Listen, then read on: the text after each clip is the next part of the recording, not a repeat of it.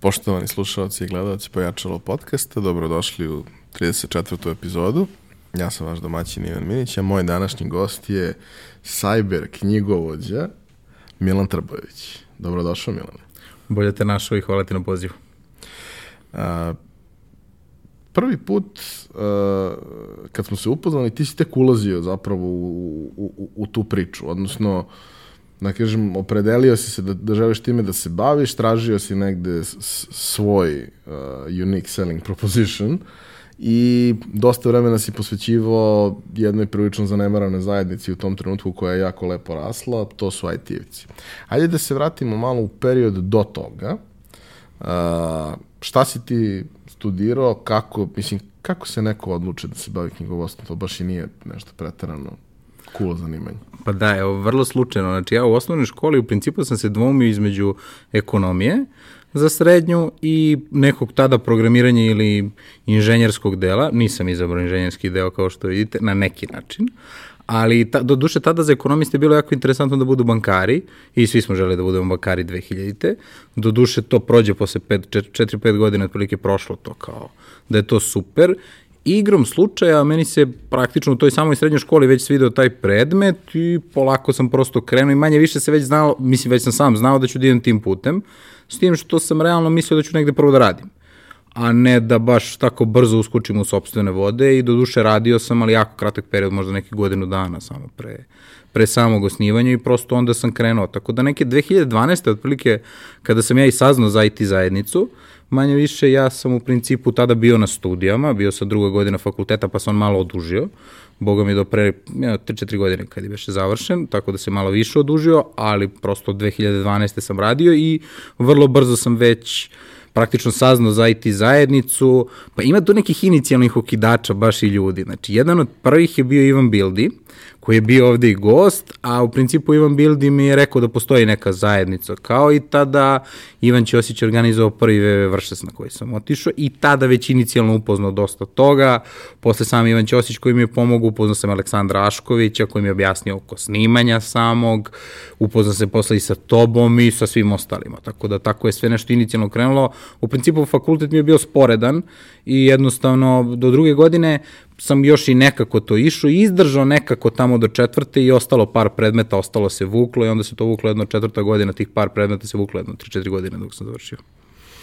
A odlučuješ dakle da pokreneš svoju knjigovodstvenu agenciju i sad kao krećeš od faktički nule. nule. To je uvek najveći izazov, napraviti tu neku inicijalnu bazu, doći do, do break-evena na neki način, ono kao krenuti da makar možeš da isplatiš od ovaj, prihoda koje ostvaruješ, da možeš da pokriješ plate, neke troškove i tako dalje. Kako si ti krenuo, ko su ti bili prvi klijenti i kao, kako, kako je teko ovaj proces učenja u praksi svih tih stvari? Jer super je što no, kao, imaš neko predznanje, imaš neke položene ispite i tako dalje, ali kao sad se susrećeš sa nekim realnim da. poslovanjem. To je mnogo različito od ovoga s fakulteta. Apsolutno, ili, ili bilo čega iz knjiga čak. Pa u principu, skoro sam razmišljao o tome, odnosno kad se desila taj prelom, uh, A, trenutno, iz, iz sadašnje tačke, ja sam toliko zaboravio koliko je bilo u stvari teško na početku, da valjda ono, sve što je loše brzo se zaboravlja, ali bilo je baš teško u principu i jako se teško dolazilo do klijenata i bez obzira što vi imate pet ili deset klijenata, i dalje nije sve kako treba. Znači, vi ne isplaćujete, sve ne stižete, gomilu toga ne znate, prosto dan, noć principu, a, najveća tačka, odnosno nešto najviše što mi se desilo je kada sam bukvalno 8 meseci bez preterivanja 8 sati dnevno posvetio čitanju zakona. Svaki zakon od A do Š, prvi put kad sam ga čitao ništa mi nije bilo jasno, ali ni jedan skoro. Spominjali se tamo neki obveznici, socijalni doprinosi, sve stručne neki izrazi, meni je bilo katastrofa, ali tih 8 meseci u principu mi je bio najveći klik, da bih bilo šta posle toga moglo dalje da se nadograđe. Znači, čitao sam i šta mi treba i šta mi ne treba. Čitao sam i neke sanitarne propise, ali bez obzira, prosto morao sam da dobijem neko celovito, odnosno, gledam, trebala mi neka celovita slika. Kad sam dobio tu celovitu sliku, onda sam posle hvatao detalje, što i dan danas radim, i prosto to je, ali to je bio neki najveći, ono, proboj, meni u smislu stručnog nekog znanja i prakse. Naravno da vas je kroz praksu gazilo sve i svašta. Super je što to tako piše, ali tri koraka koje možda se dese ispred ili posle toga onih nevidljivih, kojih i dan danas prosto ima, to je dok niste lupili glavom o zid, prosto niste mogli, niste mogli da saznate. I svo to neznanje u principu koje sam imao na samom početku se nadoknadilo, ne znam, ne spavate noću, nervirate se, vikendi ne postoje. Realno, m, pa nakon jedno, ja mislim prve dve ili tri godine, ja mislim da nisam imao dan odmora bez preterivanja. Znači baš ni jedan jedini dan odmora. Dobro, e, to je neka žrtva koju, kažemo, svaki preduzetnik, ne baš svaki, ali mnogo preduzetnika je spremno da učini u tom nekom svom prvom biznisu i prvom poduhvatu koji, koji radi. Ali ono što je, što je recimo iz mog ugla vrlo specifično je što si ti kao skapirao da imaš određene e, rupe u znanju i odlučio si da sedneš da se posvetiš tome i ok, nikad nećeš znati sve jer Nikada. je takva mhm. oblast, ali si odlučio da kao se malo bolje orijentišeš u samoj oblasti i malo popuniš uh, taj, taj tvoj ovaj, spektar znanja, dok je to u, u, zapravo u, u, u industriji koje se ti baviš jako redko. Zapravo velika većina, čak i po onim raznim grupama za knjigovođe i sećam se na moje firme pitanja i svega ostalog, jer nama su gro pitanja dolazili od knjigovođa I meni danas od kad nema moje firme. Znaš, kao manje čak i od samih preduzetnika koliko od knjigovođa koji ne znaju kako da postupe u nekoj situaciji i često su to zaista kompleksne stvari da ti stvarno ne znaš kako da ali uh, barem 50% pitanja su dva klika na Google.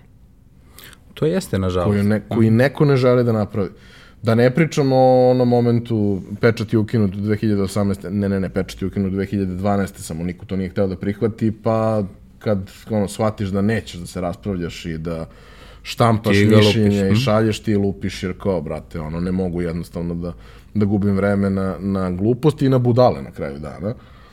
Ovaj, kao, kako je tebi bilo, uh, to je, ono, neatraktivna oblast, niti imaš ti nešto mnogo prilike tu sad kao da se istakneš i brendiraš. Ok, ti si našao zajednicu koju si se obraćao, ne. ali si ti se obraćao toj zajednici u trenutku kada ona nije realno bila dovoljno zrela. Ni najmanje u tom trenutku, ali baš ni najmanje. Prosto, a, a, to je ono o, o, o, o čemu smo, mislim, tome smo pričali malo pre, a i cela suština je u tome da je to trajalo neke 3-4 godine, da ne kažem u prazno, u smislu bez vidljivog rezultata. I prosto ništa se ne dešava. Znači, vi se bavite tom zajednicom izuzetno. Sad, ja možda sad shvatam da ona tad nije bila zrela, ali to nisu imao pojma. Sam bio u fazonu kako brovi ljudi silni rade neke poslove, a nema ništa. Znaš kao, a za mene ništa u principu. I sa te strane, uh, imao sam hiljadu, mislim hiljadu puta, bar jedno 20 puta sam mislio da li da odustanem od ovoga. Što sad ja kao idem po konferencijama, radim sve ovo i slično, a ja najviše radim neku potpuno drugu industriju koja dolazi najnormalnije i prosto rasti mi biznis u tom smeru. Da li se specializovati za njih? Ne, da, i prosto tu sam imao najviše dvoumljenja. Jednostavno, ne znam ni sam zašto izdržao sam nekako ovo, I onda se u jednom trenutku desilo da je to to. To se desilo bukvalno pre par godina. I kao, aha, e sad je to počelo da daje rezultate. Ali je dugo trajalo praktično sejanje tog semena da bi ono krenulo nešto. Ko ono, posadite valjda drvo i tek za 10 godina vidite nešto. Ili pet, nije ni bitno. Ali to je ono što, što, što vidim, mislim, vidio sam nekako da ima potencijala, da se razumemo, znači ja sam za IT zajednicu dok je nisam prvi put vidio na toj konferenciji, mislim su to budale koje klikću na one reklame za 1 cent. Znači, ja sam to mislio da to bavljanje IT-em do tada, manje više. Bukvalno. Međutim, nije baš tako. Mislim, nije uopšte tako. Ali prosto, nisam imao toliko svest o svemu tome i onda prosto, ne znam, desilo se to i valjda je i, i sam moj razvoj išao tako sa tom IT zajednicom koja mi je najviše prosto pomogla da, da, da prosto se ja profilišem da je to to. Ono što je tu bilo super, što sam ja od njih imao praktično a, informacije sa, sa terena, što mi i dan danas nešto što mi je najbolje, jer prosto čujete hiljadu jednu različitu situaciju. Znači, bez obzira što na jedan način je propisano da se ovo radi, to ne znači da neće biti hiljadu jedan način možda nešto što nije definisano zakonom, pa kako se to rešava, pa šta se ne rešava. I to i dan danas, samo prosto ih ima više nego ranije. I to je to, jednostavno imate hiljadu i jedan način, odnosno hiljadu jednu varijantu jedne stvari. Ne znam, prodaje automobila možda, ok, to je jedan način, ali on ima hiljadu svojih podvrsta, da li je bilo sa ovim, sa onim, da li on teretni, nije teretni, ste odbijali PDV, niste i slične kombinacije. I sad sve to je u principu, kad pogledate po jednostavljen postupku, aha, automobil se prodaje tako što ne znam, izdate fakturu i to je to.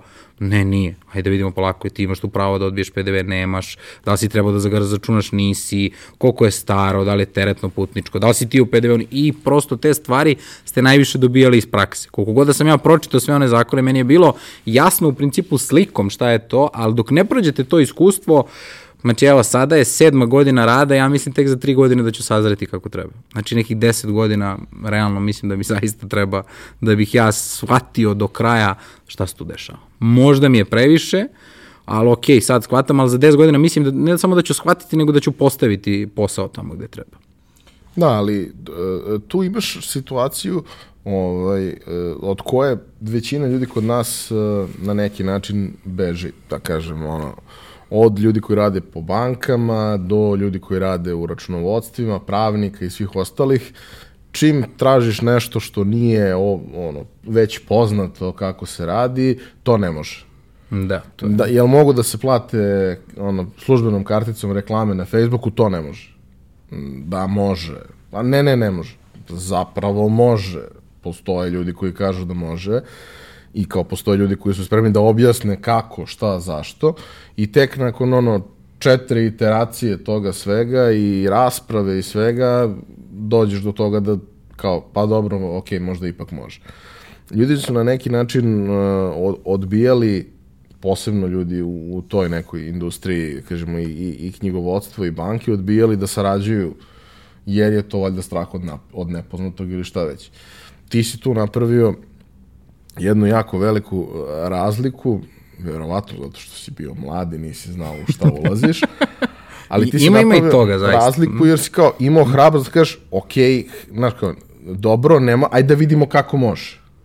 Da vidimo koji je modalitet, šta su neke tu stvari koje su problem. Aha, ne znam, vi radite za strance, ok, hajde da vidimo kako, kako možete to sve legalno da izvedete i da to za vas bude maksimalno dobro. Jako dugo si stvarno nesebično delio svoje znanje i bio uvek spreman da saslušaš, da posavetuješ i prosto kao to je, to je dalo rezultate zajednica o kojoj pričamo. IT zajednica jeste vremenom sazrela, nekad je to bilo mnogo nekih pojedinačnih zanimljivih slučaja, sad to već postoji u nekom u, u, u da, nekim dobro, ono... sad ima mnogo više slučajeva i prosto jedinstveni su. Tako je. A ti imaš specifično iskustvo koje je u konkretnoj industriji neprocenjivo jer ga niko drugi nema. A, šta su neke, da kažemo, prve situacije sa kojima si se ti sreo, a da su ti bile uh, stvarno onako neobične, da, da su ti stvarno predstavljale challenge kako rešiti? Pa da, u principu, moja, prva, moja prva stvar, kad sam se susreo sa IT zajednicom, ja sam očekivao da ću dobiti elektronsku fakturu. Dobio sam je papirno. I ja sam ono, ok, a zašto ovo ne radite? Ja sam očekivao da je to, to kao super digitalno, pa kao rekli su nam da ne može. Stvarno? A ja mislim da može kao i sad ćemo da nađemo kako to može. I prosto to je. Najviše nepoznatica u principu mi je bilo sa, sa, sa strane a, tipa baš konkretno poreza PDV-a jer tu je baš bila hiljadu jedna situacija i prosto oni najobimniji u tom smislu i prosto naj, najviše neprespavanih noći je bilo čitajući PDV, odnosno ne sam PDV, nego podpravilnike PDV-a. Znači, jedna od stvari, recimo, koja je bila ono, ajde, to je među poslednjima, Google kad je ukinuo ovo nije faktura, kad prosto za Google oglašavanje za određene iznoste niste mogli da dobijete, da, ali taj dokument ima sve elemente naše fakture, to što piše, to nas ne interesuje. Tako da to možete da odbijete. A sad neki konkretan baš slučaj, šta mi je bilo najviše? Pa možda najviše to kada mi je prvi put došao stranac koji je osnivač firme, i koji ima svoje specifičnosti, gde on donosi svoju neku poslovnu praksu, pa ima neke pozemice iz inostranstva, pa tu radi s nekim povezanim licima, svašta nešto oko toga. To mi je bilo onako prvi put, na, ono kao, o, šta sad čoveče, šta sad sve ovde ima i kakve su ovo stvari, ja ovo nikad nisam video niti čuo. Kao, ok, pozemica da kredit od banke. Ne, ne, kao moja matična firma meni pozemi. Mhm, mm dobro. I šta, kao, pa dobro, dobijem i neku kamatu, ja njoj platim neku kamatu za to. Mm -hmm. E, to sad podleži nekim još dodatnim porezima kod nas. Ok. E, sve to dok sam pohvato, to mi je, ali prosto a, taj moment stvarno tih osam meseci koji je bilo stvarno besomučnog čitanja, bez preterivanja, mi je dao tu širu sliku gde sam ja znao gde to da tražim. Sad, trajalo je to traženje, da se razumemo, ali dobro, i u tom trenutku, recimo te neke 2013. nije bilo toliko stvari objašnjeno na Google, bar pošto je meni trebalo na srpskom, ništa mi ne znači kako englezi to rade, ili amerikanci, prosto nebitno mi je. A, a kako se zove, sada već ima dosta toga i možda čak možete nađete gomile situacija objašnjene. Ili bar, ne mora čak ni ljudi da vam objasne, ali kada vam oni kažu, pa da, ali to su, ne znam, to su povezana lica i to podrže nečem posebnom. Ok, već imate neki trag, kao znate da idete dalje i slično. Tako da s te strane je mnogo lakše sada, ali opet, verovatno zbog mora informacija, valjda ste vi preplavljeni sa svih strana svim informacijama, pa nikad se ne stite da ukucate how to ili na srpskom kako to da uradite. Prosto. Na Google i da dođete do nečega, ne znam, napišete PDV osnovno objašnjenje.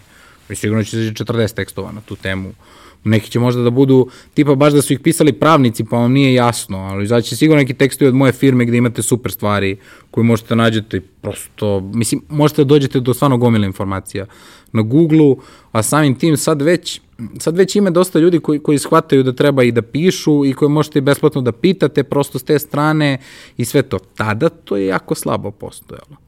Na, baš je ono u početku nije bilo, ali opet možda ni ceo internet, odnosno upotreba nekog interneta nije bila toliko razvijena u Srbiji.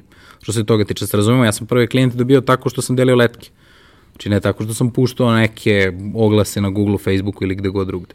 Ne, delio sam letke to crno-bele. Da se kačio sam na bravu od, od svakog ono, objekta koji nađem i tako sam dobio. I to je posle nekog vremena prestalo da radi. Na početku radilo super. Prvo su radili ovi crno-beli, najobičniji štampani, pa posle jednog godinu dana valjda sam morao se malo unapredim, pa sam onda oštampo čak i u boji, pa su i oni radili, onda su i oni prestali, pa sam onda kao bio kreativan, pa je neki dizajn da nešto napravio, pa je to kao izgledalo kreativno, pa i to jako mali period radilo i od jedan put je prestalo, znači ne znam, premije bilo, ne znam, podelim 500 letaka, pozvaće me bar troje klijenata. Onda je jedan put krenulo, podelim 2000, pozove me jedan, sa sve super unapređenim dizajnom letka I manje više to više ne radi. Možda radi sad za neke industrije ili možda radi čak i u mojoj industriji, ali nije više to to prosto. Zavisnosti opet i koju strukturu klijenata dobijate. Samim tim, kakav sam, kako sam prosto ja komunicirao javno putem letka, bilo kakvog nivoa marketinga, takva struktura klijenata mi je dolazila a jednostavno radio sam paralelno bez obzira što sam se bavio IT industrijom, ja dugi niz perioda, odnosno godina nisam prosto zarađivao od njih ništa i to je izgledalo jako volonterski i baš izgledalo volonterski onako ono do skroz gde ništa prosto ne dobijate kao neku, ne dobijate čak ni povratnu informaciju, još i gore kad dobijete povratnu informaciju kako ste super. I kao, dobro, i kao mi znači, ali čekaj bre čoveče, ja kad odem kući, ja ovo ne mogu namažem na leba, niti bilo šta. Znaš kao, okej, okay, ne mora to sada bude, ne znam, da, da je bilo u smislu, okej, okay, ja sam sada dobio i od mene jedan put zovu klijenti, nije mi dobro, prosto ne, ne znam šta ću, ali daj jedan bar nek me se seti. Znaš, da ne bude baš ono, ako me sete na dan bezbednosti, sete me se, ako ne, nikom ništa. I prosto to nije bilo. Ali prosto to nije bilo, nije, nije sazrela jednostavno zajednica. Dočekao si dan bezbednosti. Da, moguće da i to. Dočekao si dan bezbednosti. Apsolutno. A, ono po čemu je ovaj, na neki način sada tvoj nastup na društvenim mrežama, o čemu ćemo više pričati kasnije, vrlo, vrlo karakterističan, to je što ti ovaj, sve svoje dnevne zgode i nezgode deliš sa ljudima. E sad, A, opet, jedna od stvari kod kojih ljudi imaju a, blokadu na neki način ovde je upravo taj kontakt sa institucijama. Mm -hmm. Šta je najgore što može da se desi ako pitaš, najgore što može da se desi je da dobiješ odgovor koji ti ne odgovara, ali si makar dobio odgovor. Da. Mislim, može da, da se desi da ne dobiješ odgovor, da. ali ono kao... To je najgore principu... da dobiješ ne u principu. Ne ili kao ne znam, mi to i ne možemo tako, aj čao kako je sa tvoje strane izgledalo, kao, mislim, ti si u tom trenutku realno klinac, koji ulazi u tako neku priču i sad treba da ideš kod tih nekih tamo e, teta na šalterima koje mrze život i ceo svet i sad ti treba da tu dođeš da ih nešto pitaš što bi one najradije ako mogu da zaborave i da rade tu, a ne da si ti došao. Kako je prosto celo to iskustvo teklo tebi? Odnosno, kao, uh, kako si našao način da hakuješ tete? Da, pa bila je a, super stvar opet koja se desila tad, Poreska upravo otvorila svoj kontakt centar koji si mogao pitaš telefonom. I sad valjda jako mali broj ljudi ih je tad zvao pa su još hteli mnogo više da objašnjavaju, mada danas ih ne zovem, pa ne znam sad stvarno koliko objašnjavaju, jer prosto sad ih zovem kad mi nešto treba, što oni treba da urade, tako da ne, ne radim više s tim načinom informisanja, ali tad su poprilično objašnjavali. Mislim, na, najgori odgovor koji sam tad dobio imate to na, kod nas na sajtu e šta ćete, ja e, prekopam ceo onaj sajt i to je to u principu, možda dođem do nečega. Ali često puta su mi odgovorili, ali da se razumemo, u prvoj godini ja sam njih zvao u proseku između 10 i 20 puta dnevno, da se ne šalimo uopšte. znači, i pošto nisam tada imao novac da se pretplatim na stručni časopis, ne verujete ko je to sam snova bio kad sam imao stručni časopis koji plaćam da mi, plaćam da mi to stvarno odgovori ne možete zamisliti. Njih sam takođe zvao sličan, sličnu količinu puta i prosto još sam dobio, ja mislim tada na početku tipa 3 ili 6 meseci besplatno prvi period. Moj izrađe nikad kraja. Tako da to me prosto onako poprilično značilo, a i odlazak sam na šalter, odete, pitate, ne znam, mislim, i danas slično radim, odem, pitam kao dobar dan, ja da pitam nešto, ja ne znam, ne, nekako mi je uh, iskustvo pozitivnije da više dobijem pozitivnih odgovora nego da me oduvaju naravno da se desi, naravno da poludim, razumeš. Ja sad, a, ljudima deluje da tipa je ono kad prenosim to kao meni je super, znaš, mislim, ja ono izgorim, ali u principu, valjda kad im prenosim, nekako mi lakše, kao evo, saznali su i drugi, vjerojatno i oni imaju isti problem, pa ko veli nisam ja jedini sa tim problemom i kao sad mi je lakše, ali desi se naravno da se iznerviram, da poludim, da, da, da sve to, ali većinski stvarno dobijem odgovor, uspem da iskopam, na najfiniji način, prosto, znači ne brez nekog sad, redko kad sam ja baš bio u situaciji da se nešto specijalno svađam, mislim, inače mi nije takav karakter neko previše da se svađam, ali desi se nekad, ali baš su bile redke situacije. Ali tipa da odem najljubaznije, pita me, ja bi ovo, jel može ovo ovako, ne može, i da mi neko otkrije potpuno novu vasionu koju ja malte nisam znao, to, kao možeš i ovako, bio kao, opa, i prosto iznenadite se s te strane da dobijete ono baš save dobijete kao nemoj tako uradi ovako, zato što neće to tamo ti se uradi, nego bolje uradi ovo. Tako da s te strane imao sam mnogo više pozitivnih iskustva sa šaltera i sa tim telefonom, ali telefon, pozdrav za ljudi iz kontakt centra Poreske uprave koji su tada radili, ja ne znam da li me se sećaju, ali mislim, Sećaju, mislim da sam bio i maltene među jedinima, pošto su se javljali na prvu.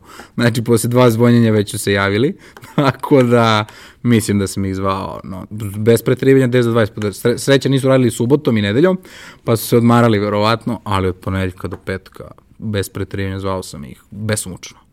A koliko je moment, ono, mislim, da li je bilo takve situacije da dođeš kod jedne službenice i to ne može, pa dođeš popodne kod drugi i onda sve može? Naravno. Naravno, mislim, to i dan danas prosto to.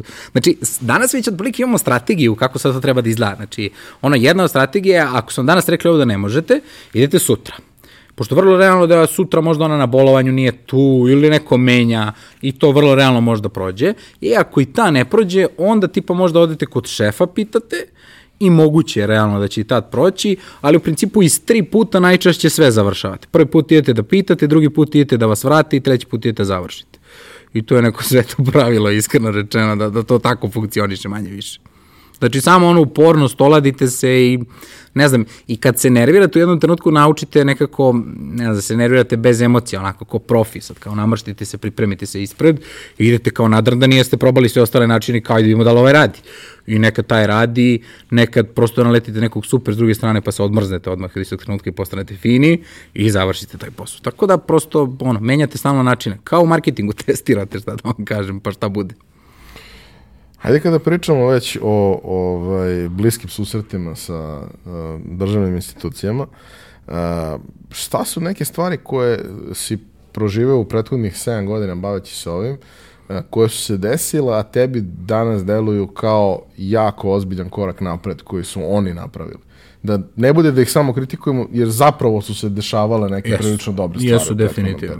Definitivno. Znači, najveći korak napred poreske uprave su e-porezi. Ubedljivo Znači, to je ono vasijonski korak napred bez preterivanja, a, gde su oni sada digitalizovali apsolutno sve poreske prijave. Ali prvi put kad sam elektronski predavao PDV, meni to bilo sam snovo, kao wow, čoveče. I najveći korak je definitivno kod, kod svih elektronskih prijava kad su one, ako se, ko se seća, prijave za plate koje su bile u papiru, onih šest obrazaca martene koje potpišete i pečatirate i predate Poreskoj upravi, prešle u jednu digitalnu formu. Znači, sećam se, pošto sam bio na obuci, odnosno seminaru tada za to, pošto je to bio ono krucijalni veliki prelazak, znači ja srećan, neverovatno tamo na onom seminaru, sve mi jasno kao super, super, i vidite ono dosta starijih gospođa, pošto je ovo pretežno industrija žena, a, vidite koji su onako blago uplašene šta će da bude sutra i da li se sutra dešava Armagedon, otprilike kada ovo krene. Gde sam ja kao, pa šta me kao nije jasno? Pa kao znate, pa ništa kao otprilike. Pa dobro, ili ima nešto što mi je jasno, pa da možda krenemo nešto. Pa ništa, dobro, ajmo iz početka. I prosto na pauzi smo pričali tako o tome, tako da koliko sam ja bio srećan, drugima je to bila katastrofa. I s te strane, svaka promena koja se dešava je u principu nekom prilika, nekom izuzetan problem. I sad, samo zavisati kako ćete vi da uletite prosto u nju. Odnosno kako ćete vi da je posmatrate i na koji način ćete u principu da se ophodite prema njoj. Mislim, probleme ćete imati stalno i oni su jedina konstanta u biznisu, a verovatno i u celom životu. Samo je suština kako ćete vi sa time da upravljate i koliko ćete sad da, da to smatrate, ono, da ne možete spavate zbog toga možda ima, mislim, ima problema, verovatno, zbog koji ne može se spava, ali kako se zove, prosto samo kako ćete se vi nositi sa svim tim i to raditi. Tako da isto je tako bilo, znači najveći iskorak Poreske uprave ubedljivo je porezi i dobro, s druge strane, APR je neka najnaprednija institucija, da se razumemo, znači njihovo digita, ono, podnošenje završnog računa koji je elektronski je super. Mislim, moj prvi završni račun je bio bez tih silnih nekih kontrolnih pregleda koji su oni sad ubacuju automatsko računanje I možda jedna u stvari, evo je, to, tu, tu je definitivno jedna stvari koja mi je bio ono kao naj, najveći događaj, kad sam jednom predavao završni račun, prvi put, pošto se razlikuje kad je neko mikro, malo, srednje i veliko preduzeće, predavao sam za malo preduzeće. I sada vi kad predajete na uh, završni račun, za, malo, za mikro preduzeće se predaju manje izveštaja, za malo više i imate te kontrolne računske radnje i ja predam za malo prvi put u životu pre 5-6 godina i jedan put mi izađe onih pogrešnih stavki, a ne preteram jedno 200. Znači, ovako scrollujete tri puta ekran i ono puno. I kao, šta se sad radi? Ništa, copy, paste, ajmo jedno po jedno. Tap, tap, tap, za dva dana ja sastavio ono. Tako da u principu to je bilo ono baš, znači kad sam to video ja kao u, uspešno sam ubacio i sad kao klikneš sačuvaj i onda ti izlazi kao da ti on proveri da li je računski dobro. Ali eto, ništa specijalno se u principu nije desilo i to se, i to se preživelo. I prosto to vam je, znaš, ono. S druge strane vidim, uh, nekad ljudi budu u tome kako si tako smiren. Pa mislim, s polja možda delujem smireno, nisam ja baš unutra uvek toliko smiren, da se razumemo, ali ono što mi je, što mi je prosto u glavi, što pokušavam sebe bukvalno da istreniram je to, time što ću ja sad se iznerviram, ništa ne znači, Znači ja mogu da se iznerviram ono 15-20 sekundi da se sad i, psujem, na primjer, da bi izbacio to iz sebe i kao, uf, ajmo. To je to. Ne, prosto, šta ti je alternativa na kraju? Da. da, da, da, kao šta, jel mogu ja to da ne uradim? Ne mogu. Pa šta onda? Sad kao mogu sada da, da vrištim ovde po ceo dan što ga radim ili da se izvrištim koliko mi treba 5 minuta, vrati se i kreni radi. I to je to.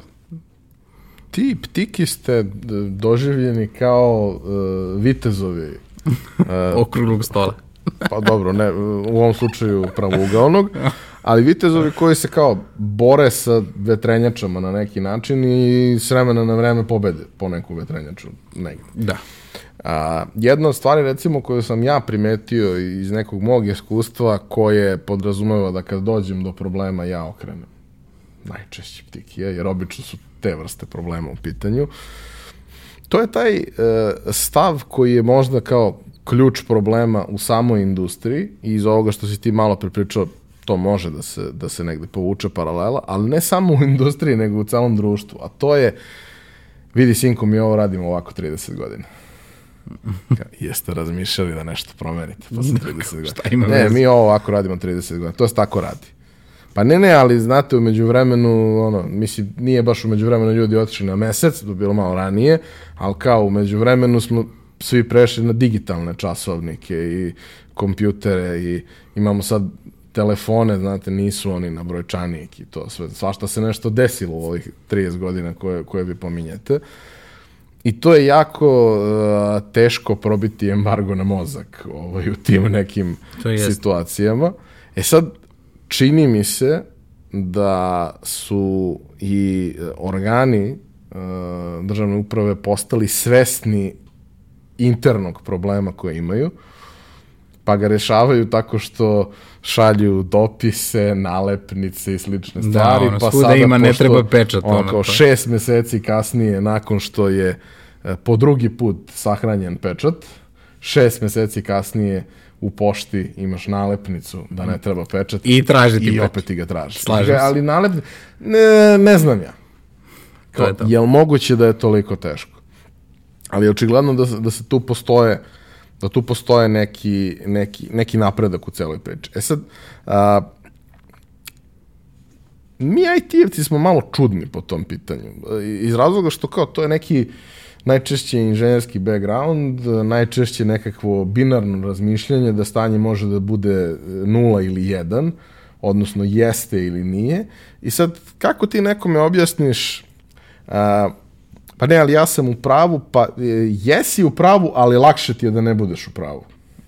Bukvalno tako. lakše ti je da ne budeš, da ne budeš u pravu, da lupiš, da lupiš taj pečat. pečat i ideš dalje sa tim, ok, sad, sad, sad stvarno prethodnih 6-7 meseci uh, je to ono, ne, se od, istrebljuje. Od, otišlo je dosta. Mislim, cela suština je tu po meni, ono što ja gledam je, mnogo je teško da vidi ljude koji naravno kažu, ali mi radimo oko 30 godina, nećete ih promeniti prosto. Onda sačekate do do penziju. pa bojim se, bojim se da to jeste ili da ih potpuno digitalizujete, pa onda kad se desi da recimo padne sajt APR-a i niko u Srbiji ne može da preda završni, ali bar niko ne može i imamo iste uslove, znaš. I sad kao nije baš lepo što ne radi, ali dobro, popravljaju se ono vremenski, prosto sve manje i manje se to dešava, da se razumemo, ali bar imamo svi iste uslove. Tako da ako svima treba pečat, onda svima treba ili svima ne treba pečat. I to je to. Tako da s te strane teško ćete promeniti prosto ono kad pogledate kod privatnih kompanija, šta se najtuč, naj, naj, naj, najteže menja? Kultura. E, kod njih je takva kultura u državnoj administraciji. Promeniti kulturu ne znam koliko treba, ali mnogo treba. I prosto, bukvalno sad zavisi, sad već vidim da ima dosta mlađih koji rade. To vam je apsolutno različiti rad kad se ode kod nekog mlađeg referenta ili kod nekog ko je malo stariji. Znači, mlađih podrazumevam recimo da ima 35 godina, na primjer, ne, ne više ili tu negde okvirno. I neko ko ima 50 plus. To su dva sveta. Bez pretrivanja i jednostavno nećete to tako lako uraditi. Sad, s druge strane, kako inženjeru objasniti da 2 plus 2 nije 4? Pa, ne, kažete mu ovako, imamo tri opcije, 2 plus 2 je 1, 2 plus 2 je 4, 2 plus 2 je 5. Zavisi šta nam treba, mi to izaberemo. I onda on možda i vama i poveruje, ali prosto tu, tu je najviše na tom nivou poverenja, da li će on vama poverovati ili ne i reći, ok, stavite taj pečat, prosto mi sad pri osnivanju firma svi kažu pa ne treba pečat. I rekao, ja vam preporučujem zbog pošte da ga imate. Zato što pošta ako vam ne dostavi pošiljko one od Poreske uprave, Poreska uprava će vam oduzeti PIB jer se smatra da ste fantomska firma, zašto niste na toj adresi. I onda zbog gluposti koje možda pošta napravila, vi možete da imate potencijalno problem. Mislim, ne morate da ga imate, da se razumemo, ali ja ne znam da li će pošta da vam primi to bez pečata ili neće, da ćete vi uspiti da se raspraviti s njim. I ljudi urede pečat. Još uvek da se razumemo. I baš kad si pomenuo poštu, ja sam pre nelju dana pokušavao s nekim punomoćima, oni su mi kao dali da da možemo bez pečata i onda su mi rekli da na, pe, na punomoći moralo pečat. Tako da vidjet ćemo šta će na kraju toga bude sad kao polako znajući njih, sad to je jedno procjedno mesec dana ću da ih burgijam, da vidim da li mogu i kako mogu da ih dobijem, da ne treba taj pečat i da možda ne mora to da se overi kod notara ili možda mora, vidjet ćemo sad, to su sledeći nivoji, prosto kad rešimo jedan pojavit će se sledeći stepenik problema, pa ćemo da ga rešavamo, ali to je na, najgora stvar što to ne može nikad brzo. I ono što je moja preporuka je da probate da sa državom uvijek predupredite nešto. Jer sve što vam treba hitno, teško da ćete rešiti. Baš tako hitno. Znači, baš teško. U principu računajte na najbolje slučaje od 7 do 15 dana, a uglavnom i na duže. Tako da, ako vam nešto treba hitno i ostavite nešto za posle, bojim se da nećete tako brzo završiti baš to što vam je hitno. Ako vam treba hitno, najbolje je da se setite ranije. Da. Ne, taj, taj trenutak koji ono je poražavajući za, za svakog od nas je trenutak kad shvatiš da uh, administraciju menjaš jednog po jednog čoveka, a njih ima mnogo. Slažem se. Uh, hajde da se sad vratimo na, na taj deo priče kada, kada ti ulaziš, uh, dakle ti, ti već neko vreme si etabliran u IT zajednici kao uh, ne kao jedan od nas, nego jedan od redkih koji nas razume u tom svetu ili makar pokušava da nas razume i spreman je da se iscima da nas razume. Mislim, postoji sigurno još gomila ljudi da se razumemo koji prosto ishvata samu IT zajednicu kao i sve ostale. Što možda se neko ne oglašava na taj način, možda ljudi ne vole da se snimaju, ne vole ne pišu tekstove, ali daleko od toga da oni ne rade svoj posao kako treba i, i vrlo verovatno rade ga super i fenomenalno. E sad, kako ko prosto, da se razumemo, znači nije meni cela IT zajednica klijent. Znači nije kao ne... ne... Dobro, ali to cela IT zajednica zna. To možda da, to možda da, da. A, kako uh, kreće da se, da kažemo, vrti ta ovaj, grudva koja postane posle sve ono što, što postane. Što treba. A, kako kreću prvi poslovi i a, kako za tebe koji u tom trenutku i dalje imaš vrlo malu firmu sa nekom ono organizacijom koja je sednemo svi za sto pa imamo Absolut. organizaciju dosta lakše se dogovorimo kad smo svi tu, ono, u, u krugu od metar. A, kako tebi kreće da raste posao i šta su izazovi sa kojima se ti kao preduzetnik srećiš i kako ih rešavaš? Jer, mislim, jedna stvar je biti knjigovođa, a druga stvar je upravljati sobstvenom firmom. Apsolutno. Znači, dve potpuno različite stvari, da se razumemo. Uh, jedna od stvari koje sam ja shvatio da ne mogu sam, da se razumemo, niti, uh, ka, kao što sam dobio eto preporuke od Ćose, kako da nazovem blog, od Ivana Bildija, da pogledam da možda to je tako nije loša, taj ti zajednica i slično. Tako prosto sam osetio da ne mogu sam. Ok, pitate roditelje, nije da imaju nekog ono, velikog preduzetničkog iskustva, kao otac imao nešto, ja sam pre toga zajedno s njim radio, mi smo imali neku brzu hranu, ali to je bilo nas dvoje i možda dva radnika i to je to, da se razumemo. Znači, nema nas više od četvora, to je organizacija koja staje za jedan okrugli sto, da se razumemo. I sad sve to lepo kreće i kutrlja se i u jednom trenutku ja osjećam da prvo, ono, kao osjećate da gubite tlo pod nogama, kao šta sad dešava, ne mogu da pohvatam sve, ne znam gde sam, a radim od jutra do mraka, kao nešto ne valja.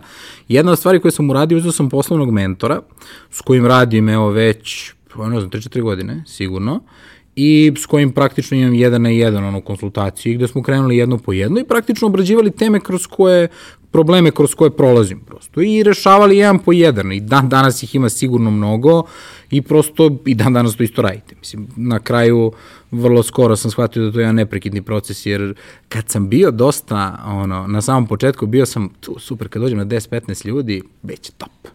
I ima da mi bude raj na zemlji. Međutim, sve je teže i sve su veći izazovi i sve morate da prosto sebe mentalno podignete na neki sledeći nivo da biste to mogli. Jer prosto pre je bilo 10 problema dnevno, sad ih ima 30.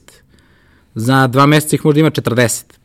I trebate da donesete 40 odluka, da se razumemo, koje nisu odluke, kupi WC papir ili trebaju nam plave hemijski ili crne nego je kao, aha, ovaj čovjek treba plati porez, ovo treba da organizujemo ovako, kuri treba da ode ovo, jer ako danas ne završi, sutra ističe rok i slične stvari. Mislim, prosto imaju zaposli osobu, ne, primiti ovog klijenta ili ne, koja je realna cena, da li treba se poveća, treba se smanji, ljudi idu na odmor, organizuju sve to x, y drugih stvari prosto koji se, koji se dešavaju. A, jedna od stvari, kažem, je bila prvo mentor poslovni, a, druga stvar koju sam krenuo pre nekih godina i po dana je psiholog, Uh, jer prosto u jednom trenutku sam shvatio da, ok, ja s mentorom dođem do realnih zaključaka. Mi vidimo cifre, to govore, statistika, neki realni podaci, njegovo iskustvo, čak i moja svest, ali ja emotivno ne mogu da nesem odluku da to uradim. I nema šanse prosto. To je nešto što ne mogu da prevaziđem i vidim prosto kao da mi se desilo, ne znam, ono, emotivno sam u trećem razredu, a mentalno sam na 30 godina.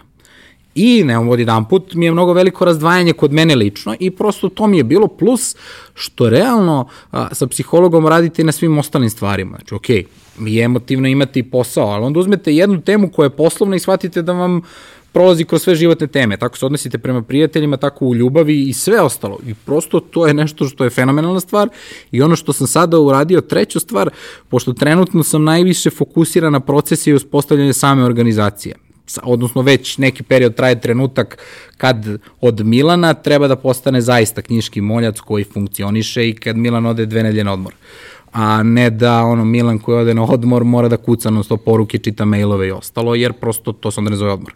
To se zove odlazak na more. Tako, tako je. Ne ide se na odmor, ide se na, na more. more. Nosi se nosi se laptop, kupuje se internet, potroši se 40 giga interneta u Grčkoj. To i potrošiš više para na internet nego na hranu, u principu, A, to je da. normalno, da. Znaš kao, ide se ujutru da se okupa, pa se radi ceo dan, pa se ide uveče da se okupa. Da. Šta? Šalim se. Mislim, to je, to je taj moment kada ono kao shvatiš da si oboleo od preduzetništva i da u principu izlečenje vrlo neizvesno. Da, i mislim, nećete se vi verovatno tako lako od toga odvojiti, znaš, jer to je, ne znam, ne da vam se, imate taj strah. Kao što oni ljudi imaju kontrola, strah od kontrola, kao što mnogo, ljudi imaju onaj strah od promene. Mi to radimo 30 godina tako. Ti ne radiš to 30 godina, ali imaš neki osjećaj koji ne bi trebao da promeniš. I jednostavno, prosto eto sad je taj neki treći mentor, konsultant, kako god da ga nazovemo, je s kojim radim samo na procesima i samoj organizaciji i strukturi, jer mi je to sad trenutno najvažnija tema. Vrlo verovatno njim će biti neka saradnja, pa će se recimo možda promeniti neki drugi fokus, ali iskreno rečeno, skoro sam gledao, pa koliko to ima, jedno pa jedno par meseci gledao sam Đokovića i bukvalno sam kao manijak, ja tako kad uvatim jednu ličnost, ja uzmem pogledam sve živo što ima na YouTube-u i odlam jedno, pa bez pretrivanja uzlam po 34 sati materijala, intervjua, svega. I onda kad vidite Đokovića, sad aj, nije slavno baš da uporedim sebe sa Đokovićem, ali s te strane kad pogledate on je šampion zato što za svaku bogovetnu stvar on ima nekoga treba se hrani, ima jednu osobu, treba da ga neko masira, ima drugu osobu, ima jednog trenera, ima vajdu za sve, uzme bekera kad mu treba se popravi, pa se vrati na vajdu, pa proba uzme agasija, ne ide, ide dalje ide, vraća se na nešto drugo. E, s te strane prosto slično možete da se ponašate. Znači, ne znam, fali vam, uh, fali vam marketing samo. Uzmite jednu osobu s kojom ćete da pričate samo o marketingu. Ja, ja to držim na nivou jednom nedeljno sat, sat i po.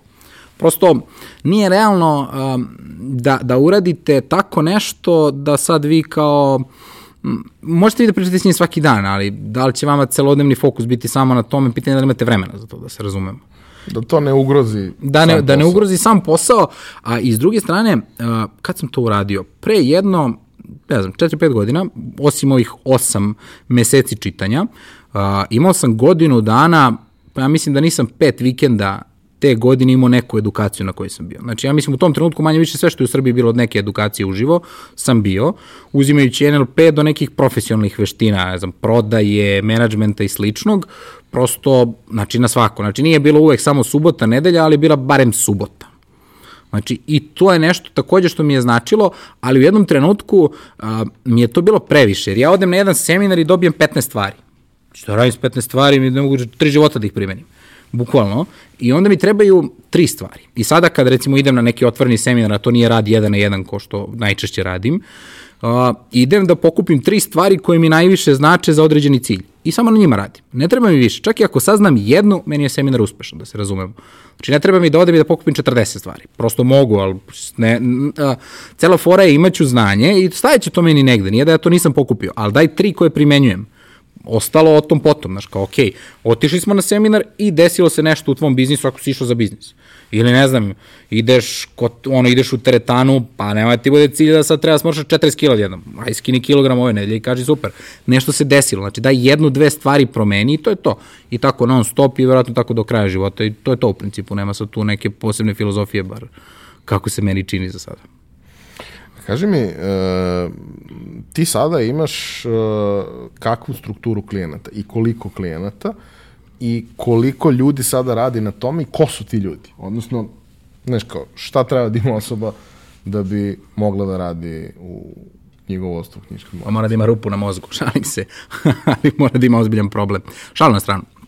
A, prosto, a, trenutno, znači trenutno imamo oko 240-250 klijenata, ima nas 19 ili 20, ne držite me sad za reč, tačno, a, Pa cela suština je da volite to, bez obzira koliko to ljudima možda izgleda čudno, kao volimo knjigovodstvo. Da, Ima čudnih ljudi. Na, apsolutno.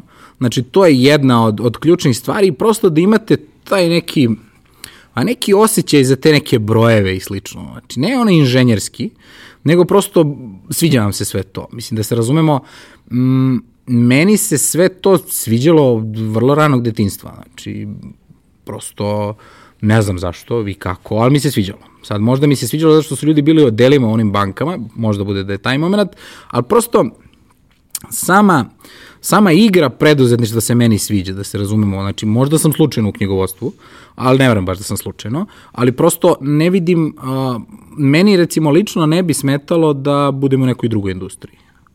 Znači, apsolutno ne, prosto, ne znam, mislim, mogao bi da budem u potpuno nečemu suprotnom, ne znam, da sad uzimo da je knjigovodstvo nekreativno, mada ljudi tu greše izuzetno. Može da bude vrlo kreativno. da, znači tu izuzetno greše, a kako se zove, da budemo u nekoj potpuno kreativnoj industriji, ne znam, ne znam šta je meni, meni najkreativnija mogućnost slikanja, u principu, pošto ja to nemam pojma baš da radim. I tako da sve što ima veze s bojama, dizajnom, meni je to fantazija, jer ja to ne znam ama uopšte. Niti imam osjećaj, niti mi je jasno šta s čim treba. Tako da mogu bi potpuno time da se bavim, recimo, sa preduzetničkog ugla, jer sama ta igra preduzetnička da mi prija. Samo knjigovodstvo, u principu treba da budete precizni, poprilično, jedna od stvari, i dobro bi bilo da budete sistematični, da se razumemo. Bilo bi ja, mislim da bi bilo dobro manje više u većini delatnosti da budete sistematični, ali taj neki osjećaj za brojevi da vam je manje više jasno šta se tu dešava. Znate, da, da, da, da ne bude to da vi unosite neke fakture i nešto, prosto to je firma koja je apsolutno živi organizam. To što ste vi uneli neku informaciju za tu firmu, vi ste samo uneli informaciju neku te firme, a ne niste uneli kao, to je 100 dinara nekih. I to kao nas ne interesuje šta je nego prosto da imate taj neku, bar neku sliku preduzeća, s te strane ono, kao, e, to najviše, meni najviše ostalo iz srednje škole, znači kao manje više što vas uče kao, aha, firma, kao živi organizam, tamo imate neko izveštavanje i dešavaju se ovde sve neke čudne stvari, a u tim izveštajima se to vidi. E, vi ste ti izveštaj. Vi ste ti koji to treba da vidite, da imate pregled svih tih stvari u glavi i da onda prosto ceo posao ide, ide mnogo lakše. Apsolutno. Ono što ja vidim, recimo, šta je meni kod većine preduzetnika, što mi je loše, nemaju to neku, pa to možemo da zovemo neka osnovna poreska pismenost. Znači, morate budete svesni da postoje neki porezi, da postoje neki rokovi, da, da to nešto postoji. Ne morate vi da znate sad tačno u situaciji x, y, da li može se odbije PDV ili ne. Nije bitno toliko može da vam bude bitno i prosto trebali biste da naučite osnovno, jer često puta se desi preduzetnik ide na pregovore vi niste velika kompanija pa ćete povedati svog finansijskog direktora, svoj, svog advokata i još petoro ljudi posadite, tamo možete pregovarate, oj kaže, a ne može ovo zato što nije dobro sa pravne strane, mi smo u problemu knjigovođa, pa ili finansijski direktor to on se ne isplati zbog obračuna poreza i slično. Vi donosite tu odluku. Vi slučajno, igrom slučaja pričate o cenama i dogovorite se da je to 100 dinara i ne pričate o PDV-u. I vi kažete, dobro, 100 dinara, ali u 100 dinara je PDV. Mm Znači, vi ste progutali taj PDV, a nije preneto na klijenta. Ako ste računali da nešto košta 100 dinara, odnosno da 100 dinara bude vaša zarada. Tako da s te strane, osnovne pojmove i predstavu da postoje neki oblici firmi, kako funkcionišu određeni porezi i slično, znači prosto morate imati. Morate budete svesni da vas radnik ne košta platu, ono što vi njemu date, nego na to još 61-2%. I toga morate biti svesni prosto. Jer vi najčešće, recimo, ono što vidim, računanje preduzetnici, ono početnici kad pišu biznis plan, plate 50.000. Šta 50.000? Bruto plata. Pa neko toliko ću isplatim radniku. Čekaj, čekaj, čekaj. Ok, ti ako njemu isplatiš 50, ti imaš još na to da dodaš. Znači ti imaš mnogo veći trošak.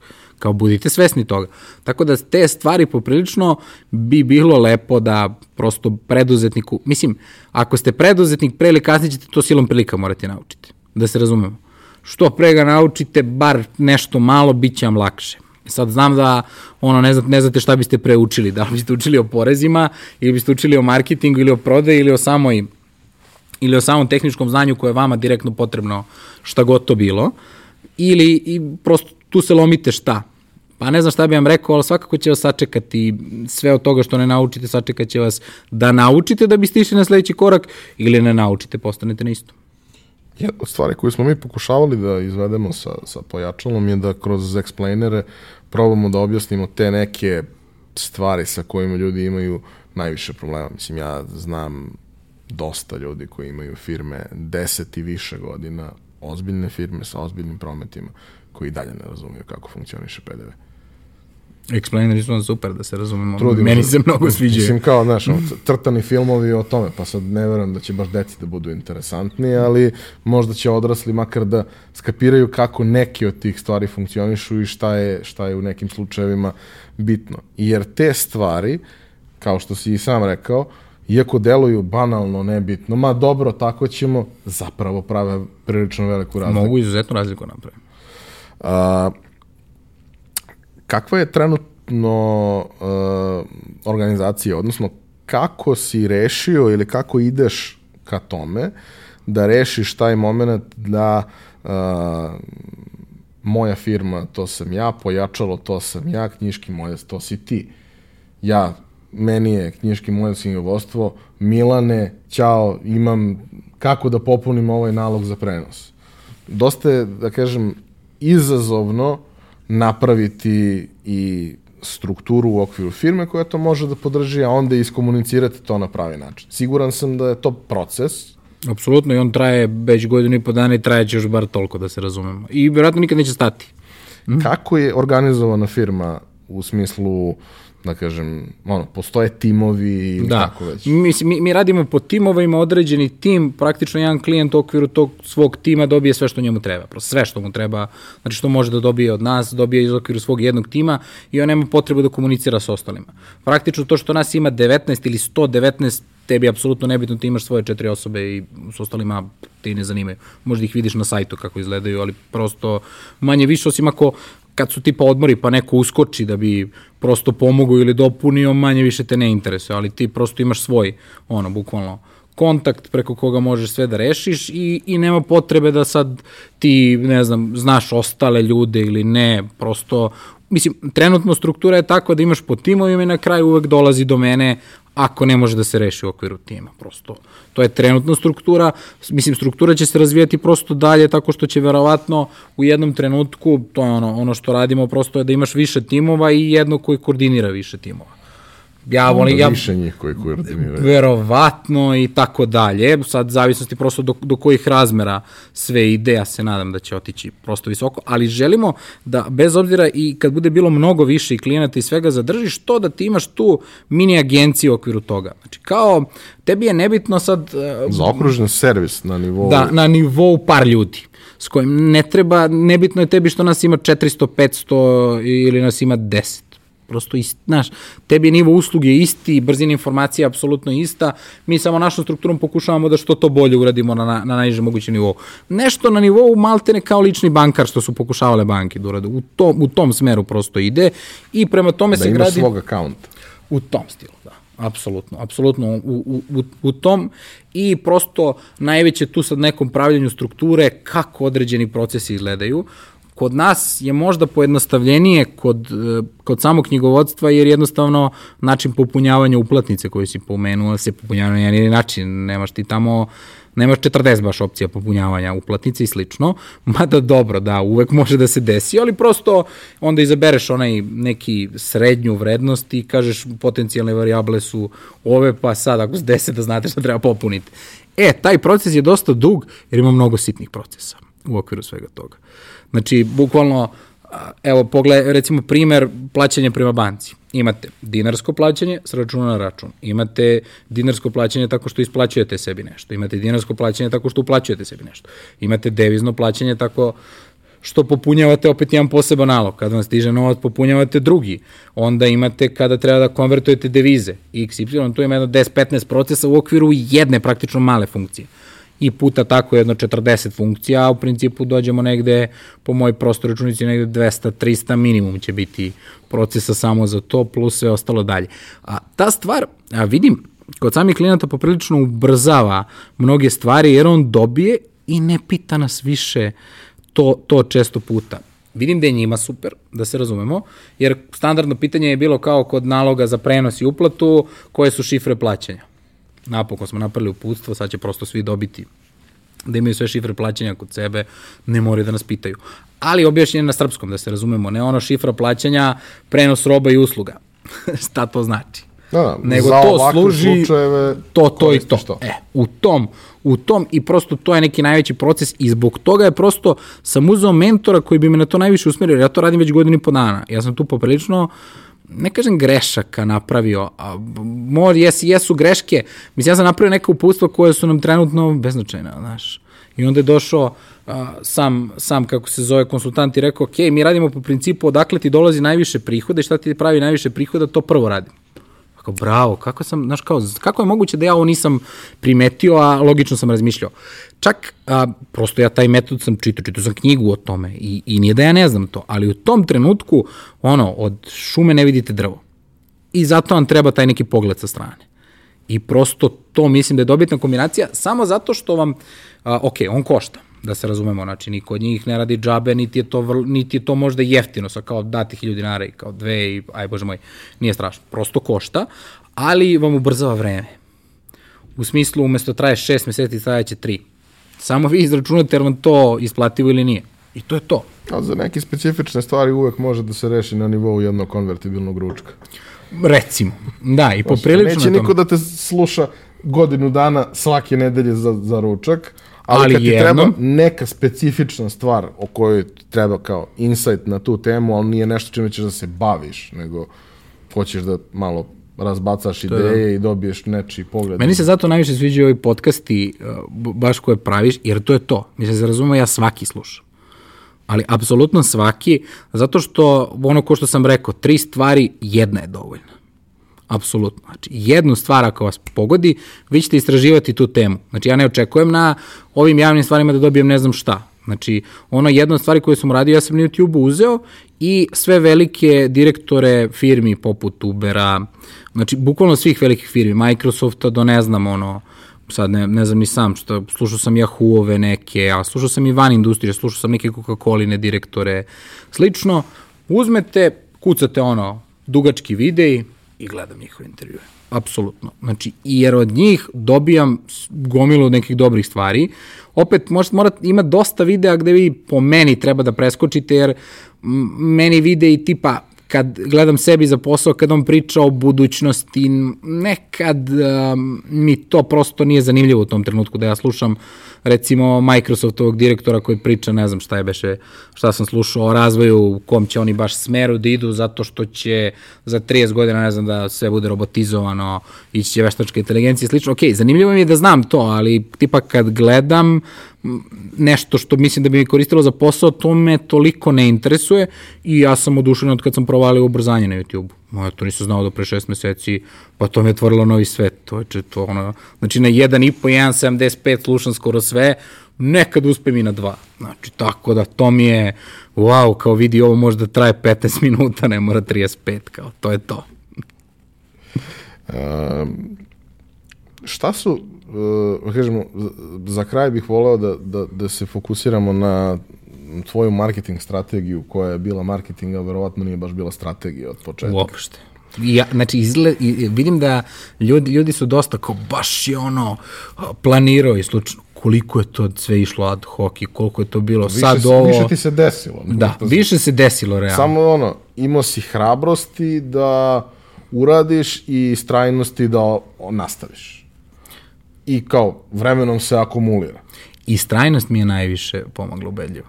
Znači, Ali to, sam da, vremenom se akumulira, kao, jer ti Mm. kad imaš, znaš, kao snimio si jedan klip, dobro, jedan klip je videlo 100 ljudi, dobro, ali ako si snimio 100 klipova, svaki nek je gledalo 100, ali i u periodu kasnije, nakon što je izašla ta prva nedelja, druga, neki ljudi su dolazili nešto, to više nije prosta suma tih 100, nego ko zna koliko se vremenom akumuliralo kroz te druge stvari. A, šta ti sve radiš, odnosno šta su neki, ajde, ne, sve, ali šta su najvažnije stvari koje radiš i kako si, kako tebi izgleda da ti je to pomoglo, kako ti deluje ovako kad, kad analiziraš. Pa, mislim da mi je pomoglo dosta, opet, ono, ja se šalim, video mi je promenio život, s te strane što sad ova interna pravila i uputstva apsolutno pravim preko tih video snimaka i to je sjajna stvar, da se razumemo, ali delovalo mi je na početku, mislim, prvo ja sam krenuo sa pisanjem i da se razumemo, meni to ne ide uopšte. ali nikako. Znači, moj jedan tekst je trebalo meseci više dana da mi se desi, prosto da ga ja napišem i ne znam, kad god mi je neko, još je bilo luđe kad mi neko traži gostovanje, kao možda nam napišeš tekst za nas, to mi je smrtna kazna, čuć. Sad, znaš, kao ne mogu baš da kažem, ne bi da, ne bi da kažem ne, sad sam se poboljšao, ali ne bih da kažem ne, ali u principu, joj čoveče da ga napišem. Od druge strane, ne znam na šta će to da liči kad ja napišem, a ovako kad pričam, čak i kad nemam ja su tu neku profi formu, to možda bude simpatično. I onda mi je mnogo lakše prosto bilo za snimanje, koja ti je jedan od krivaca za to koji mi je objasnio baš kako bi to, kako to ne mora baš neka specijalno skupa oprema, nego može, pa posle ti predi ako hoćeš, ali ne moraš prosto kao tvoja stvar. Sa te strane ti videi su pomogli da, posle četiri godine, znači posle dugog, posle dugog niza godina, kao, znači, bukvalno, kao kad se, kad se probilo probilo to, a, prosto bili su vide i gostovanja sve odjednom, znaš, nekako mi je, ne, nemam neku tačnu metriku zašto je, jer sad mi metrika govori da mi je preporuka 80-90% novih klijenata, mm, ali verovatno ima i ovo uticaj neki, znači sumnjam da nema baš nikakav, prosto nerealno je da se razumemo, ali to je onaj princip kao 50% je bačeno, samo ne znam koja polovina, znaš. -hmm. Mislim da tu postoji jedna jako bitna stvar koju, koju ljudi često ne povežu na, na pravi način, a to je a, preporuka ti je dovela nekog, ali tog trenutka kada je preporučeno, on je prepoznao tebe. Moguće. Da te je nekad gledao negde. Aha, to je onaj momak koga nije mrzelo da se iscima. Jer se meni nekoliko puta u poslu dešavalo upravo to, da uh, postoji neka, neki pregovori da, da će nešto da se radi i onda se o tome u nekom krugu ljudi kome ja nisam prisutan priča. Kaže, e, znaš, video sam danas sa jednim momkom, Ivan, možda ga znaš. Da, da, da, on je car. Taj, taj trenutak je završena priča. Kraj. Mm. Taj trenutak je završena priča, a to se ne bi desilo da ja možda nekad prema nekome nisam stvarno ispao car, time što me nije mrzelo da se iscimam e, tebe nije mrzalo da se iscrnaš bez direktne osobe za koju se timaš. To je to, to, to je definitivno, ali mora duži vremenski period. Znači, a, prosto gledam, a, kad sam ono malo ozbiljnije počeo da merim, je recimo Instagram, ne znam kad sam krenuo sa Instagramom, 16. 17. recimo, i tad sam bio u fazonu, ok, ja krećem s ovim i krećem da se snimam sa onim storijem, ili da li tad nastao story, ne sjećam se koje godine, ali nije ni bitno, i bio sam u fazonu, ok, a, radim ovo šest meseci. Ako za šest meseci dobijem i jedno pitanje koji ima veze sa mojim poslom, ovo ima smisla. Ako ne, u principu ima lepih slika devojaka na tom Instagramu i otprilike ja sam u tom trenutku video kao toma neka funkcija. Ali moje razmišljanje bukvalno je bilo doslovce ovako. Tamo ima lepih slika devojaka, dobro. Znači oči I muškaraca hrane, su tamo. I hrane. I, pa dobro, ja nisam video hranu, iskreno. Ali dobro, verovatno ima. I hrane, šalim se, ljudi slikaju prosto hranu. Ok, to ima tamo, znači vrlo realno je da muškarci poprilično to gledaju. Meni su muškarci više ciljna grupa nego žene, prosto tako se isfiltriralo sada definitivno. Aha, ako su tamo oči muškaraca, pa možda među tim slikama možda neko će i mene pogleda. Ajde, šest meseci radiš, jedan ti se javi i postavi ti konkretno pitanje, koliko god ono bilo besmisleno, samo da ima veze s tvojom strukom, to ima smisla. Da, da probamo nešto dalje. Bi posle dva, tri meseca neko me pitao, ima smisla, idemo dalje. I onda prosto sam dalje nastavio sa samim recimo Instagramom. Kod samih videa u principu nisam mogao da pišem, pa sam snimao, kako se zove, ali um, tu, tu, je, tu mi je najviše krenuo kad je krenuo pravi kontinuitet. Znači, ne znam, ja sad ima par godina kako jednom nedeljno nisam propustio ni jednu nedelju, čak i kad su odmori. Nasnimam unapred. I tu na početku nije bilo kontinuiteta i to snimite 3, 4, 5, 10 videa, ništa da se razum, ništa se ne de, ali apsolutno ništa. Može da se desi, ali nemoj da, računati da će da se desi. Nakon šest meseci kontinuiteta, to je već počelo da ima smisla i onda vam se verovatno prvo desi da vas pozovu novinari da nešto date i osim u principu kad budete na RTS-u pa vam rodbina bude ponosna, ja nisam video neku možda mnogo veću vrednost od toga, u smislu, a, nije da nije lepo, ali opet konkretno sad kao aha, neko me video na RTS-u i došao zbog toga, toga nema u većini slučajeva, ređe, ili možda kao neko ko vas prati pa možda mu bude zanimljivo, ali to je recimo bilo prvo. E sad onda kada su vas prepoznali novinari, znači da ste malo izašli iz svog kruga i onda posle jednog godinu i po dana već kad krenu ono neki besmisleni komentari na, na, sam, na samim recimo videima i slično koji su na nivou izemti državu, pljuvanje neko političko i slično, znači da ste malo dotakli širu ciljnu grupu. I malo previše izašli. Da ste malo izašli više i onda prosto posle onda negde ide svojim to, to ide nekim svojim tokom i kad vidite kakva se struktura ljudi javi, prosto znate otprilike gde ste.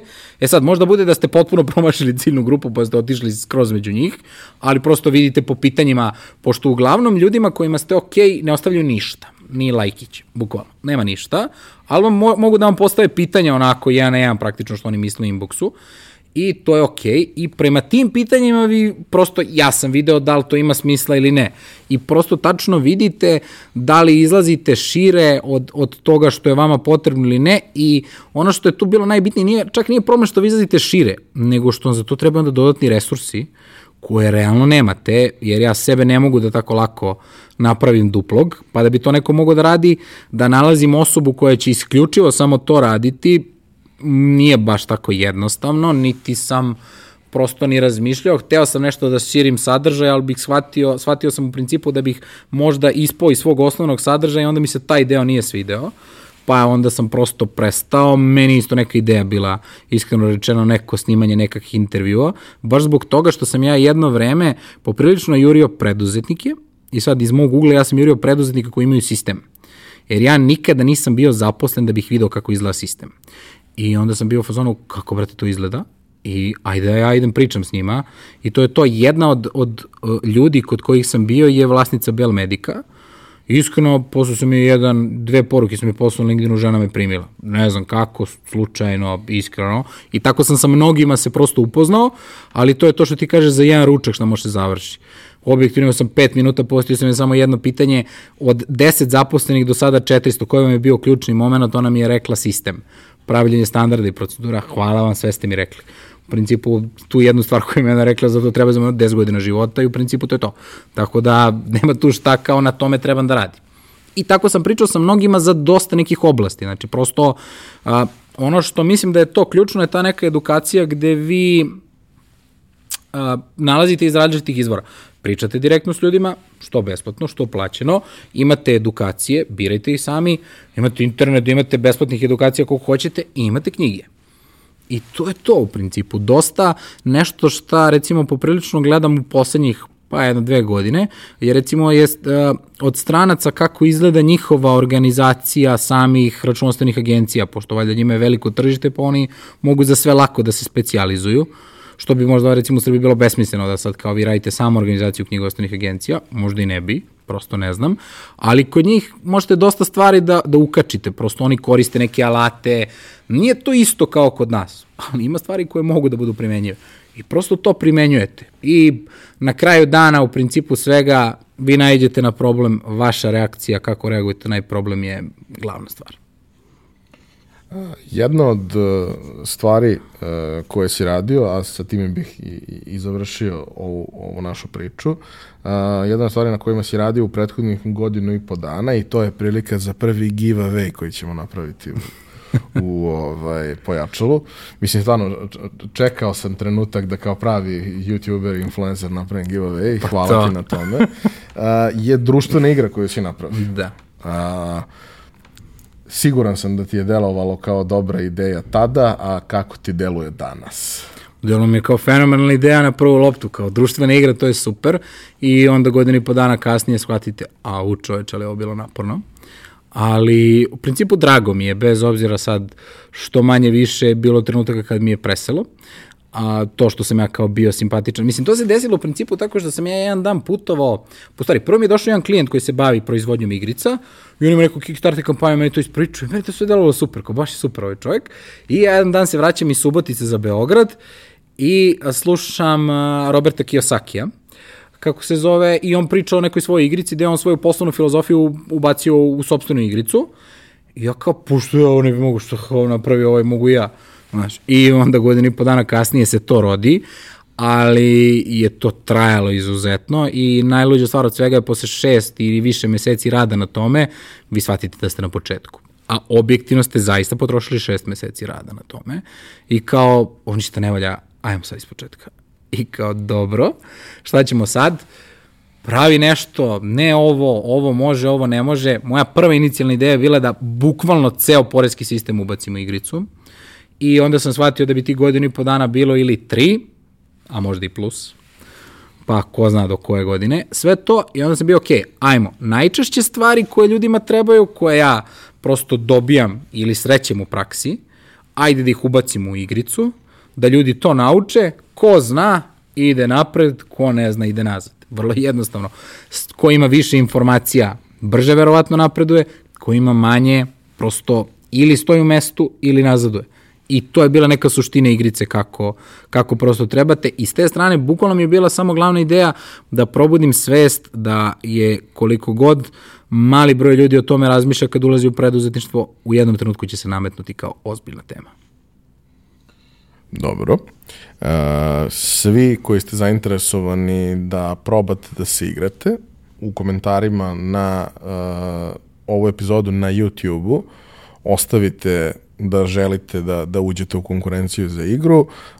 Sedam dana od početka emitovanja ovaj, ćemo ispratiti komentare, ubacit ćemo ih u onaj random generator i izvući pet ljudi koji će dobiti svoj primjerak da probaju da se igraju i da vide koliko zapravo znaju o porezi. Za kraj, šta bi e, posavetovao u dve rečenice osobe koje razmišljaju da uđu u preduzetništvo, imaju ideju, možda čak i za te ideje postoji nekakav biznis model i nešto, ali još uvijek nisu sigurni šta da rade. Šta bi im posavetovao da, da je naredni korak koji treba da urade? Ok, pa kao što je sve ovo i u emisiji bilo bukvalno neko moje iskustvo, koje apsolutno ne znači da je dobro niti pravilno. Isto tako i ovo, s moje tačke gledišta ako imate dovoljno malo godina, a što da nekad ništa ne možete da izgubite, a, a ako imate malo više godina, verovatno se malo više plašite jer prosto možda još neko zavisi od vas, ali prosto probajte, jer manje više nećete znati suprotno, znate. Sve ćete vi to da istestirate, zamislite, slično i onda ćete da probate to u praksi i da se ispostavi da baš to što ste vi testirali nije baš nešto tačno. Tako da prosto probajte, testirate, ali probajte da nađete a, nekako da to testirate na nekom malom uzorku. Ako to daje znake života, idemo dalje. Ali ne da morate sada kao dobro, vi sad ste zamislili da treba da pravite igračke i krećete, gradite fabriku. Stani bre čovječe, daj napravi pet komada, probaj da ih prodaš. Pa ako to ide, aha, daje znake života, ajde da probamo. I kasnije ne mora to da se ispostavi da je to tačno. Ali iskreno rečeno, a, verovatno ćete se više kajati ako ne probate nego ako probate. I ono što bih ja rekao za preduzetništvo, što mislim da, da meni je bar u glavi, a, ja da sam znao da je ovoliko teško, nikad ne bih krenuo. A da sam znao da je ovako lepo i ranije bih krenuo. To je ta dilema, to je taj... I uvek će ostati ta.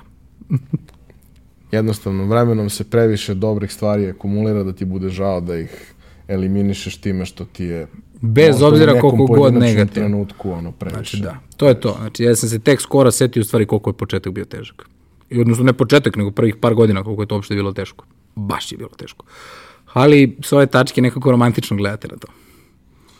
Hvala ti mi ono što si bio. Hvala tebi na pozivu. Poštovani slušalci i gledalci, vam hvala na pažnji. Malo pre ovaj, sam vam dao kako da se prijavite za, za, za nagradu i vrlo ovaj, željno iščekujemo da vidimo koliko će se ljudi javiti, koliko ljudi zapravo zanima da, da, da uče o poreskim propisima. Kao i do sada sve vaše komentare, sugestije, predloge, ideje, ideje za teme, za goste, šta god vam padne na pamet, šaljite putem društvenih mreža ili putem našeg sajta ili nam recite na nekom od narednih druženja. Hvala vam na pažnji.